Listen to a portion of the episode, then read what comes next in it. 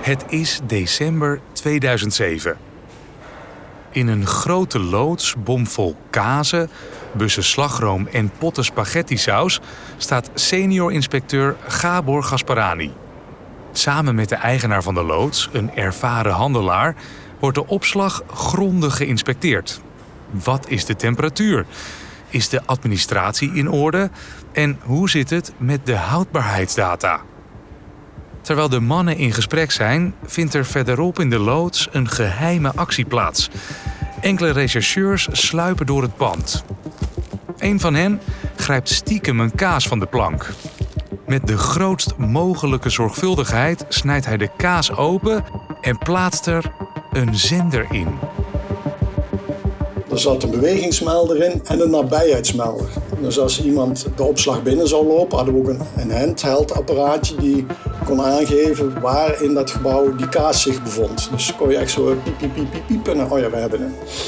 Dus ja, dat was, dat was natuurlijk echt uh, hoog Willy Wortelgehalte. Roet in het eten. In deze podcast neem ik, Ben Prins, je mee door de spannende true crime verhalen van de NVWA-IOD, de opsporingsdienst van de Nederlandse Voedsel- en Warenautoriteit. Van verborgen paardenvlees en ziekmakend babymelkpoeder tot verboden hormonen en illegale bloembollen. De rechercheurs van de NVWA-IOD krijgen de meest vreemde, verrassende en ingewikkelde zaken op hun bordje. En het zal je nog verbazen hoe spannend hun dagelijkse werk is. Welkom bij aflevering 2, de kaascase. Kaas. We zijn er met z'n allen dol op. Sterker nog, volgens de NZO, de Nederlandse Zuivelorganisatie, eet 97% van alle Nederlanders wel eens kaas. 40% legt zelfs elke dag een plakje op brood. En maar liefst 84% vindt dat kaas bij de Nederlandse identiteit hoort. En precies in die Hollandse liefhebberij ziet een eigenwijze kaashandelaar kans de regels aan zijn laars te lappen. Deze markante handelaar is al een tijd in zicht bij de NVWA. Het signaal wordt doorgestuurd naar Team Intelligence. Leider van dit team is Jos.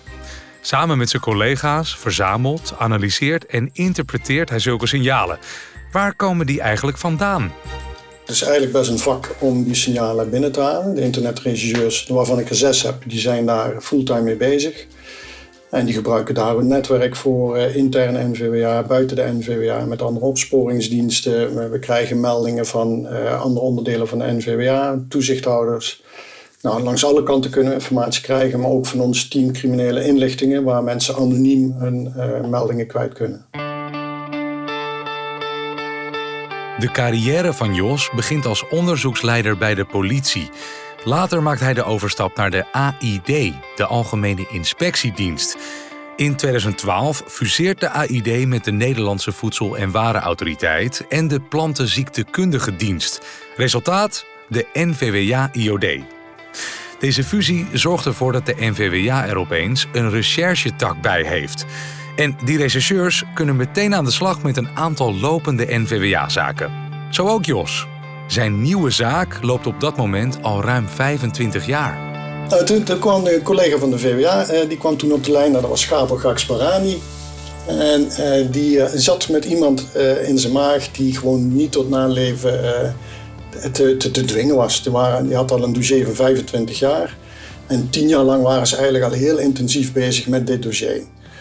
En er was een, een kaashandelaar. En nou die handelde uiteraard in kaas. En die deed dat uh, voornamelijk in het midden en in het zuiden van het land. Op, op heel veel jaarmarkten en wat dan ook. Had ook winkeltjes.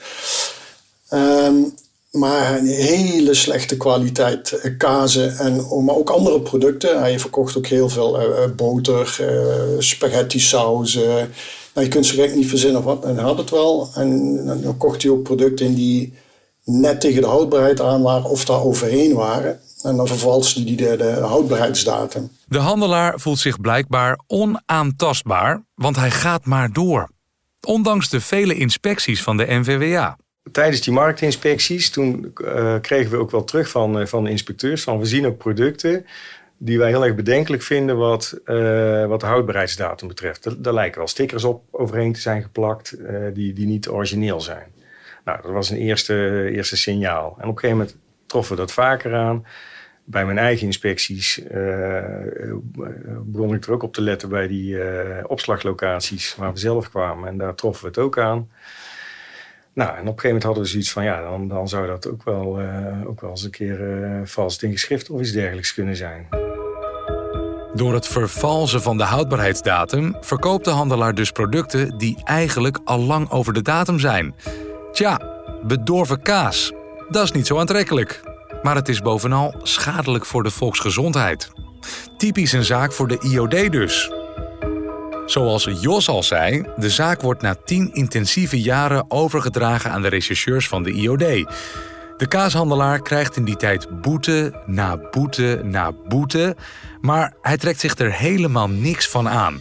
Steeds vindt hij weer nieuwe manieren om door te gaan met dezelfde misdaad, met dezelfde gevaren. Senior-inspecteur Gabor Gasparani kan zich deze pittige klus nog goed herinneren. Het waren boetes van, nou ja, toen 400, 500 uh, uh, euro. Maar op een gegeven moment waren het er zoveel dat op een gegeven moment de rechter ook zei: van ja, maar dit, dit worden wel heel veel. Ik heb de rechter horen zeggen in de rechtbank op een gegeven moment. Je doopseel is, is langer dan van menig een uh, notoire overtreder, drugsverslaafd en dergelijke, die ik hier in mijn rechtbank regelmatig zie verschijnen. En hij herkende de verdachte op een gegeven moment. Oh ja, heb ik hier al eerder gehad. Dus dat, dat was een beetje. Hij betaalde zijn boetes en, en deed gewoon zijn ding. En uh, het was gewoon een, een kleurrijk figuur. Koppig, hardnekkig. Nou, ook wel typisch gedreven door zijn, door zijn geloofsovertuiging ook. Hè? Want hij liep ook op een gegeven moment de rechtbank in met de Bijbel onder zijn arm. En zei toen van, uh, ik herken deze rechtbank niet. Ik volg wat er in dit boek staat. Uh, dus dat maakt het zo lastig om hem echt uh, aan te pakken. En de middelen om hem definitief te kunnen stoppen, die, die bleken toch wel heel erg beperkt te zijn in in het, in het werk wat wij doen, in, het, in, de, in de wetgeving die we voorhanden hebben, in de instrumenten die we hebben. Telefoonstappen, zenders plaatsen, invallen doen bij huizen en bedrijven, dat zijn de middelen die ze nu nodig hebben. Op die manier kunnen ze op zoek naar hard bewijs van de misdaden van de kaashandelaar. Op zoek naar antwoorden op de vragen: is er inderdaad sprake van valsheid in geschriften? En is er ook sprake van het opzettelijk in gevaar brengen van de volksgezondheid? Die opsporingsmiddelen zitten gelukkig allemaal in het pakket van de IOD. En daarom draagt Gabor de zaak over aan Jos en zijn team. Het is tijd voor strafrechtelijk onderzoek.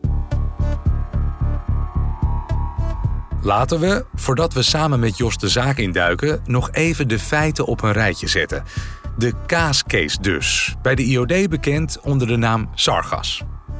We hebben een handelaar die slecht omgaat met de hygiëne van zijn handel en zuivelproducten verkoopt die over de houdbaarheidsdatum zijn.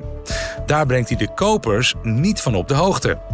Hij past de data aan zodat de kaas alsnog verkocht kan worden.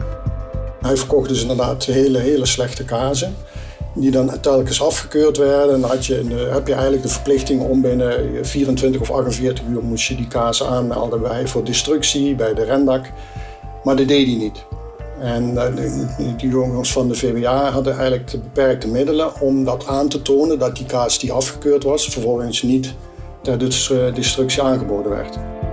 De wet wordt dus niet opgevolgd. En dan kom je op gevaarlijk terrein. Hij eh, kon echt niet inzien dat dat eh, heel erg verkeerd was wat hij deed. En hij had echt niet de overtuiging dat hij eh, fout bezig was of misschien dat mensen had ziek kunnen maken of wat dan ook. Nou wilde hij absoluut niet aan. En dat ziek worden is iets wat bij de producten van de handelaar ook daadwerkelijk gebeurt. Op een online forum vinden ze verhalen van mensen die goed ziek zijn geworden van de beschimmelde kazen. Hiermee breekt de handelaar de voedselveiligheid in het geding. En dat is geen lichte overtreding, maar een stevig misdrijf waar een gevangenisstraf op staat. Er moet worden ingegrepen. Maar voordat ik je meer over het strafrechtelijk onderzoek ga vertellen, nog even over de ten minste houdbaar tot datum. Hoe wordt die normaal gesproken bepaald? Jan Aliens van de NVWA is deskundige op het gebied van de etikettering van levensmiddelen. Kort gezegd, hij weet alles over wat er op labeltjes van etensverpakkingen staat. Van de ingrediëntenlijst, de hoeveelheden en de allergenen tot De houdbaarheidsdatum. Jan, hoe zit dat? Eigenlijk uh, moet je het zo zien. Uh, de wetgever, in dit geval de Europese Commissie, uh, die heeft gemeend dat een x aantal vermeldingen verplicht zijn op levensmiddelen. En die verplichting die is dan gemaakt om die consument de juiste keuze te kunnen laten maken. Denk aan de lijst van ingrediënten, denk aan de netto hoeveelheid die erin zit, denk aan de allergenen, uh, een hele hoop uh, zaken zijn dus verplicht, waaronder dus een, uh, een houdbaarheidsdatum. Die minimale houdbaarheid wil zeggen dat feitelijk de producent, of in ieder geval degene onder wiens naam het, het levensmiddel de markt op wordt gebracht, de garantie geeft dat in ieder geval tot en met die datum het levensmiddel geschikt is om te consumeren.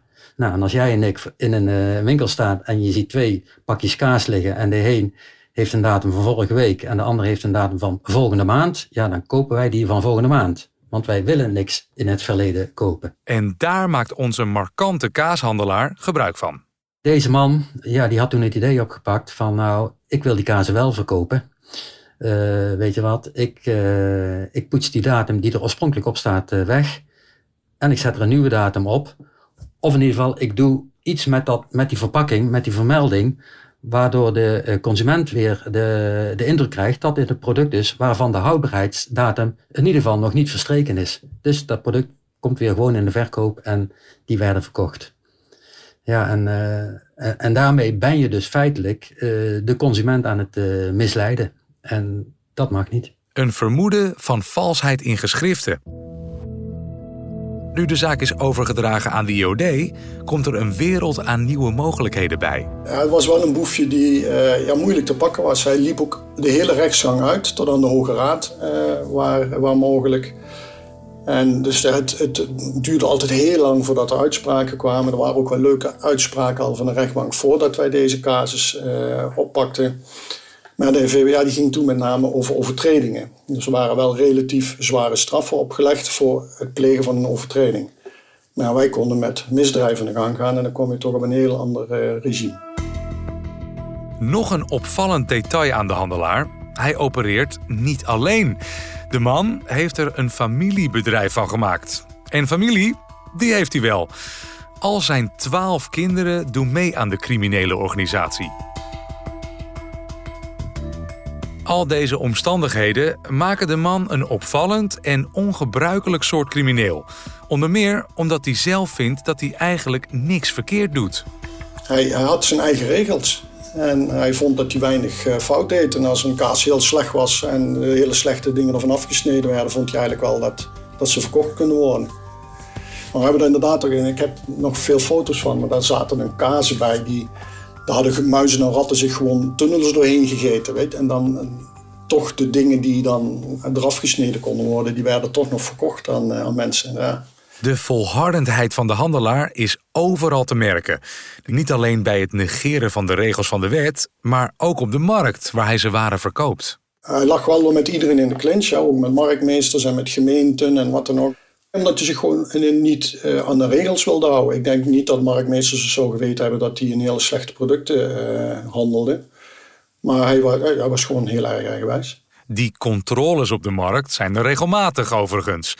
Tijdens een rondje over de weekmarkt in Driebergen vertelt kaashandelaar Ton de Veen mij hoe dat in zijn werk gaat wij hebben in het verleden regelmatig, of wel eens een paar keer controle gehad. Uh, ze mogen van mij komen, wij zijn er klaar voor. En, en hoe gaat dat dan in zijn werk, zo'n inspectie? Nou ja, goed, die mensen die komen dan en uh, die stellen zich voor. En die, uh, nou ja, goed, in eerste instantie kijkt men natuurlijk naar de, de, naar de, naar de basisprincipes. Hè, of het er een beetje ooglijk uitziet, de handel en de kraam.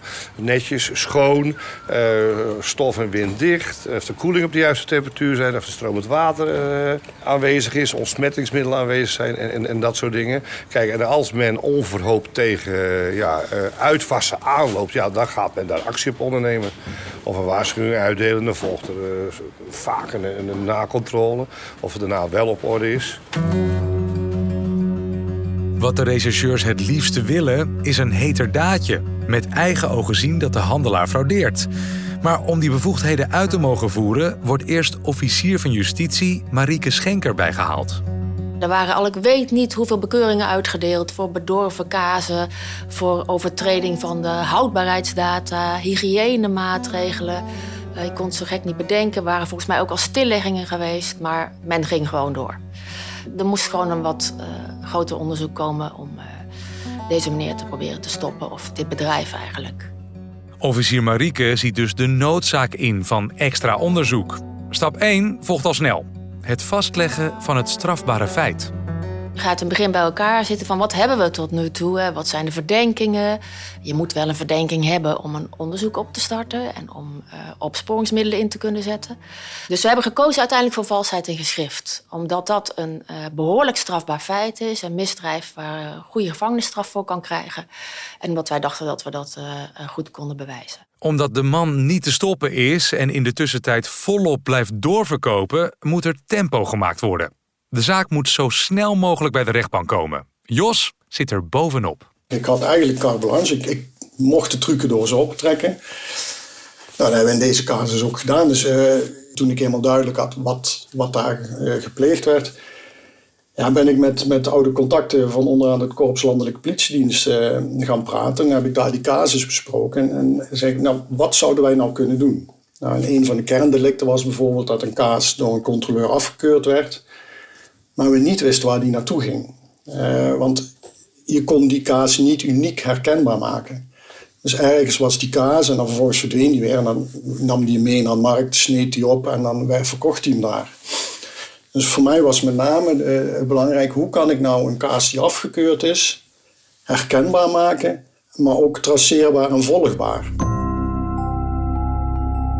Een interessant klusje. Hoe kun je een kaas ongezien volgen? Nou, dan ben ik met die jongens van het uh, de Dienst Speciale Recherche Toepassingen heette dat toen. Die zijn een keer meegegaan met een controleur van de VWA om te kijken waar hebben we het over. Hoe ziet die locatie eruit? Welke kazen liggen daar? En hebben we vervolgens kazen gekocht die daar ook lagen om mee te oefenen. En bij de stapel oefenkazen kan die beroemde trucendoos volledig ingezet worden. Goede voorbereiding is het halve werk natuurlijk. Uh, en in die casus zijn ze toen gaan kijken hoe kunnen we die nou bijvoorbeeld volgbaar maken. Dan hebben ze gekeken, nou, als we hier nou een bewegingsmelder in doen, hoe kan ik dat dan onzichtbaar doen? Want er zit een, een, een seal op een kaas. Dus als je die openmaakt, moet je dat seal verbreken. Nou, dan hebben ze gekeken naar welke spul kunnen we nou het beste gebruiken om die seal na te maken. En als we daar een gsm inbouwen, we willen dat signaal volgen, maar die komt bijvoorbeeld in een ijzeren vrachtwagen is het signaal nog wel traceerbaar. Wacht even. Een gsm in een kaas? Hoe krijg je dat nou weer voor elkaar? Ja, nou dat zijn wel grote dingen hoor. Dat zijn kazen van een kilo 25 volgens mij. Eh, maar ik heb, ik heb er nog foto's van, dus ik was inderdaad terug gaan kijken. Maar dat waren de kleine Nokia's. Nou ja, dat is nog behoorlijk. En daar zat dan ook nog een reserveaccu op, omdat dat signaal lang genoeg gegeven moest kunnen worden. Daar zat er zat een bewegingsmelder in en een nabijheidsmelder. Dus als iemand de, de, de opslag binnen zou lopen, hadden we ook een, een handheld apparaatje die kon aangeven waar in dat gebouw die kaas zich bevond. Dus kon je echt zo piep, piep, piep, piep, piep en oh ja, we hebben hem. Dus ja, dat was, dat was natuurlijk echt uh, hoog die wortel gehaald. Gelukkig waren de telefoons toen al draadloos.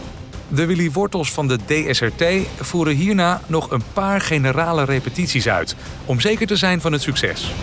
Dus die zijn met een kaas waarin een, gsm ingegraven was, zeg maar, rond gaan rijden. Om te kijken of dat, signaal nog wel te vangen was. En ze hadden geëxperimenteerd met uh, bewegingsmelders. Dus als een kaas opgepakt zou worden, dat ik ook een signaal zou krijgen. En vervolgens hadden ze nog apparatuur erin gebouwd dat om, om het gebouw waar die kazen lagen hadden we een, een, elektronische lus gelegd. Als dan die kaas over die lus zou gaan, zouden we ook een signaal krijgen. Al deze oefeningen en voorbereidingen werken toe naar twee actiedagen.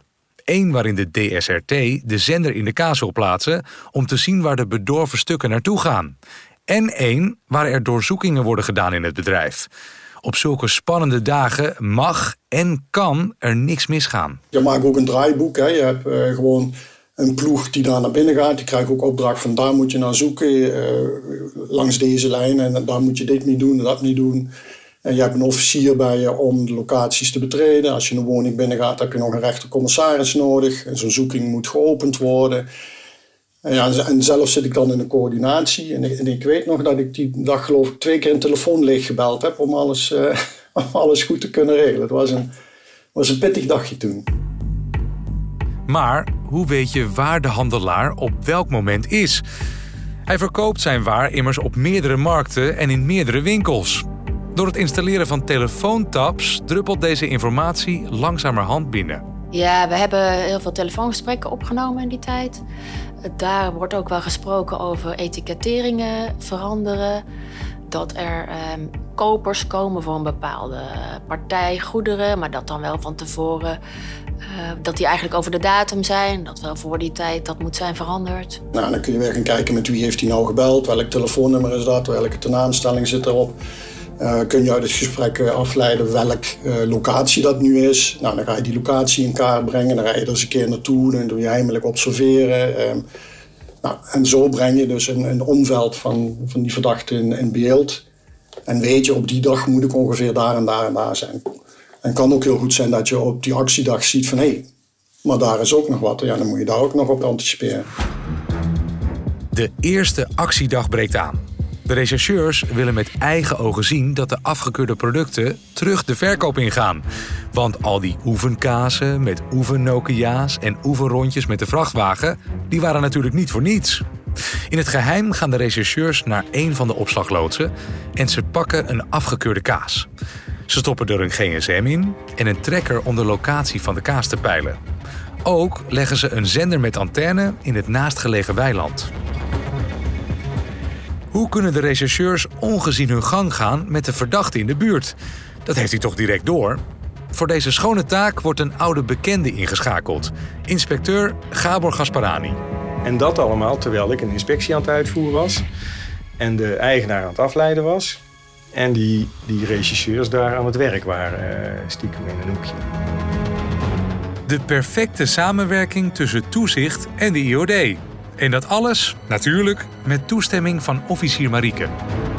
Maar we hebben daar inderdaad technische middelen in aangebracht... omdat uh, wij niet wisten waar die kazen bleven. Eigenlijk moesten die afgevoerd worden naar een destructiebedrijf. Uh, en we wisten intussen al dat dat in ieder geval niet gebeurde. En we wisten ook dat die kazen echt niet meer uh, voor consumptie geschikt waren. Ik zal je de details besparen. Zonder verder op details in te gaan, ik heb de foto's ook gezien. En ik kan je verzekeren, die kazen eet je echt niet voor je lol.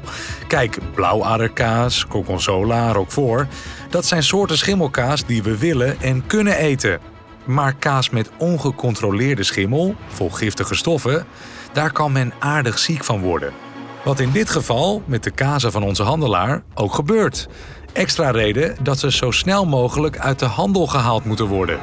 Maar we wilden wel zeker weten dat ze niet naar een smelterij gingen of wat dan ook voor de smeerkaas of zo. Hè? Uh, dat had gewoon echt niet, uh, niet gekund. Dus vandaar dat we daar toen inderdaad centapparatuur in hebben uh, gezet. En uiteindelijk is daar is gebleken dat ze gewoon op hun plaats bleven liggen. En ja, zijn ze nergens heen gegaan. Ze zijn het pand niet uit geweest? Nee, ze zijn het pand niet uit nee. geweest. Ja, dat was dan wel weer een beetje een zeepartij. Ze gewoon niet meer gaan rijden.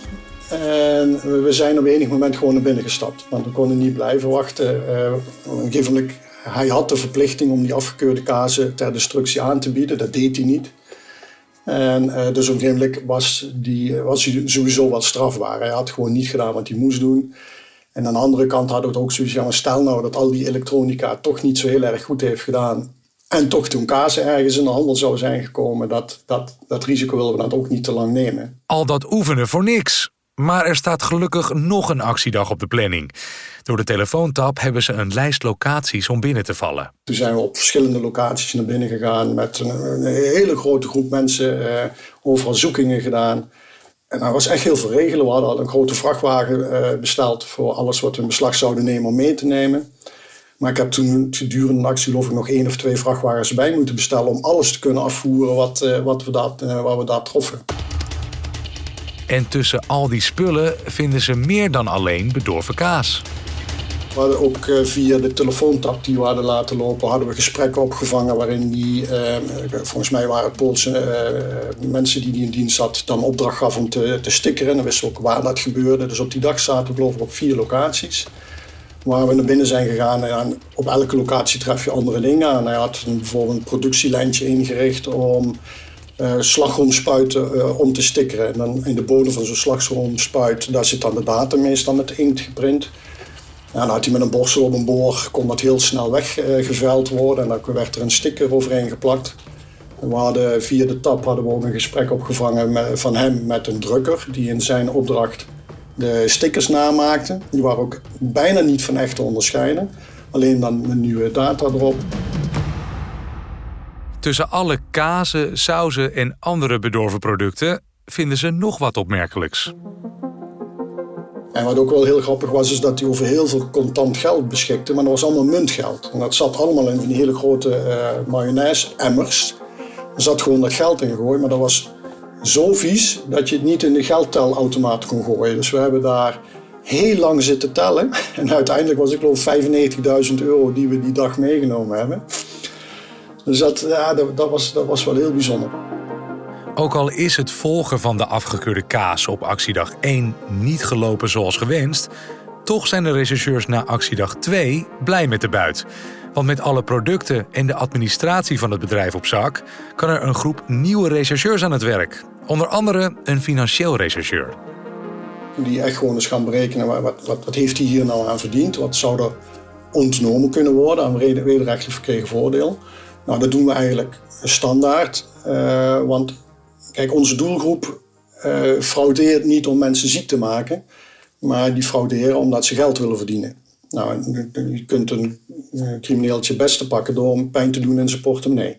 Maar ook digitale rechercheurs, administratoren en internetspecialisten kunnen hun lol op. Want dan begint eigenlijk het echte speurwerk. Dan begint natuurlijk het noeste werk. Dan ga je in, in alle administratie die je kunt vinden, ga je in de gang dingen die je aangetroffen hebt, ga je kijken bij de producent van ja. Want sommige stickers kon je echt gewoon niet uh, zien dat het vals was. Van klopt dit wel? Dit lotnummer, klopt daar deze houdbaarheidsdatum bij? En wat vinden jullie daar nou van? Nou, zijn jullie bereid aangifte te doen? Nou, dus je gaat, op die manier ga je in gang. Ook dit levert weer extra bewijs op. Officier Marieke geeft een go.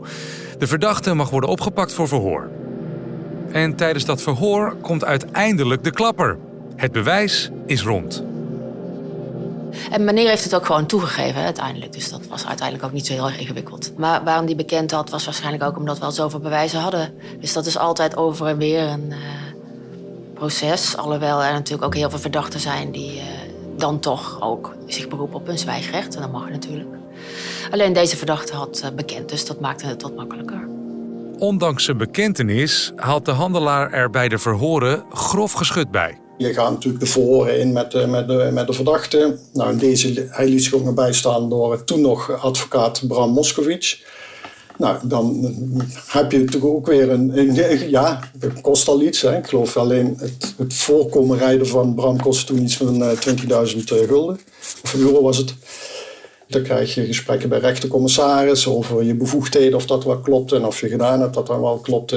Dus bewijstechnisch moet je, eh, maar je moet dat sowieso altijd heel goed opletten. Alleen met zo'n eh, advocaat tegenover moet je echt heel erg zeker van je zaak zijn om eh, goed beslagen thuis te komen. En dat is dan weer de taak van de officier van justitie. Achteraf moeten we natuurlijk wel, als ze bij de rechtbank staan, uh, kunnen aantonen dat dan alle vereisten van het wetboek van strafvordering uh, is voldaan.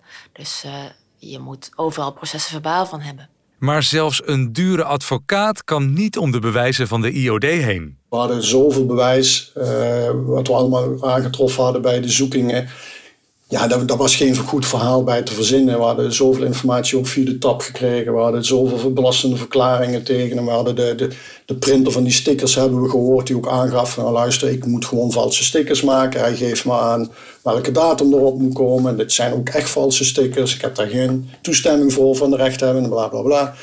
Dus langs alle kanten hadden we hem wel te pakken. Dus ik, er was weinig uh, ruimte voor ontsnapping, zou ik zeggen. Een rumoerige tijd volgt en zoals we van de crimineel gewend zijn, Geen zelfstraf of geldboete houdt hem tegen. Ook dit keer niet. Hij ging gewoon door met zijn handel. En ook met wat we van hem gewend waren, net zo goed. Hij is toen ook wat, nog wat creatief geworden op uh, onder andere naam, onder andere vergunningen, uh, onder andere uh, bedrijfsnaam.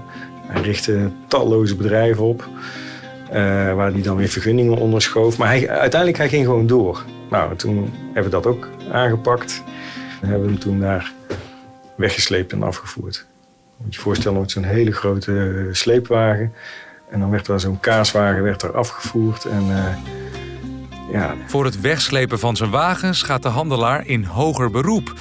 Maar dan volgt er een nieuwe, onverwachte wending. Ja, hij is, hij is uh, uh, overleden in 2013, ja. Inmiddels zijn we heel wat jaren verder. Kaashandelaar Ton de Veen op de markt in Driebergen is blij met de huidige stand van zaken. In het verleden is dat, gebeurde dat best veel. Hè? Maar goed, uh, ja, door, de, door, de, door de tijdgeest ingehaald, zeg maar, uh, is dat gelukkig uh, ja, heel erg ten goede gekeerd. enerzijds natuurlijk vanwege de inspanningen van de, de NVWA. En anderzijds, ja, door de, met name de, met, met de invoering van de HSCCP-regels is dat heel erg snel gegaan, dat het de goede kant op gegaan is. Kan je iets vertellen over die HHCCP? Is dat een bepaalde regelvoering waar je aan moet voldoen of zo? Ja, dat zijn uh, gewoon uh, ja, basisregels. Koeling, de, de, keten moet gewoon helemaal gekoeld zijn.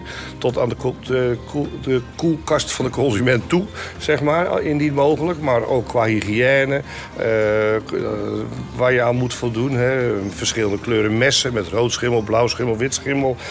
waar stromend water bij hebben en dat soort dingen allemaal. En ik moet zeggen dat die, ja, die, die, die bedorven kazen en dat, uh, ja, die, die, die, grapjes die gedaan werden met datums en onpak en dat soort dingen. Uh, zover als ik het een beetje in beeld heb, is dat uh, zo goed als uit, uitgewassen.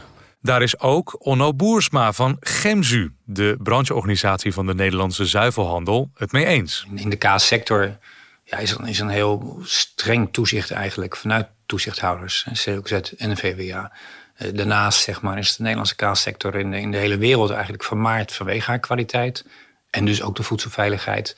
Um, dus ik, ik, denk dat je er wel vanuit kunt gaan. Ik weet wel zeker dat je er vanuit kunt gaan dat zeg maar, de, de voedselveiligheid en de kwaliteit van Nederlandse kaas uh, ja, ligt op een enorm hoog eh, niveau. Dus inderdaad, consument, je hoeft je geen zorgen te maken. We kunnen dus gewoon lekker een bammetje met kaas van de markt blijven eten. Bedankt voor het luisteren naar de tweede aflevering van Roet in het Eten. Een podcast over en van de NVWA IOD. De podcast is een productie van Potworks en ik ben Prins. Wil je meer informatie over het werk van de NVWA IOD? Of ben je zelf geïnteresseerd in een functie zoals die van rechercheurs Jos en inspecteur Gabor? Ga dan naar nvwa.nl/iod. Hier vind je alles wat je moet weten, inclusief de nieuwste vacatures. Ook kan je op de website melding doen van fraude. Heb je vragen over de NVWA IOD of over de zaak rondom de bedorven kaas? Mail dan naar podcastiod.nvwa.nl. In de volgende aflevering duik ik samen met een nieuwe groep onderzoeksleiders en rechercheurs in een spraakmakende internationale zaak rondom paardenvlees. Zaak Cyclops. Het belooft een spannende zoektocht te worden. Graag tot dan.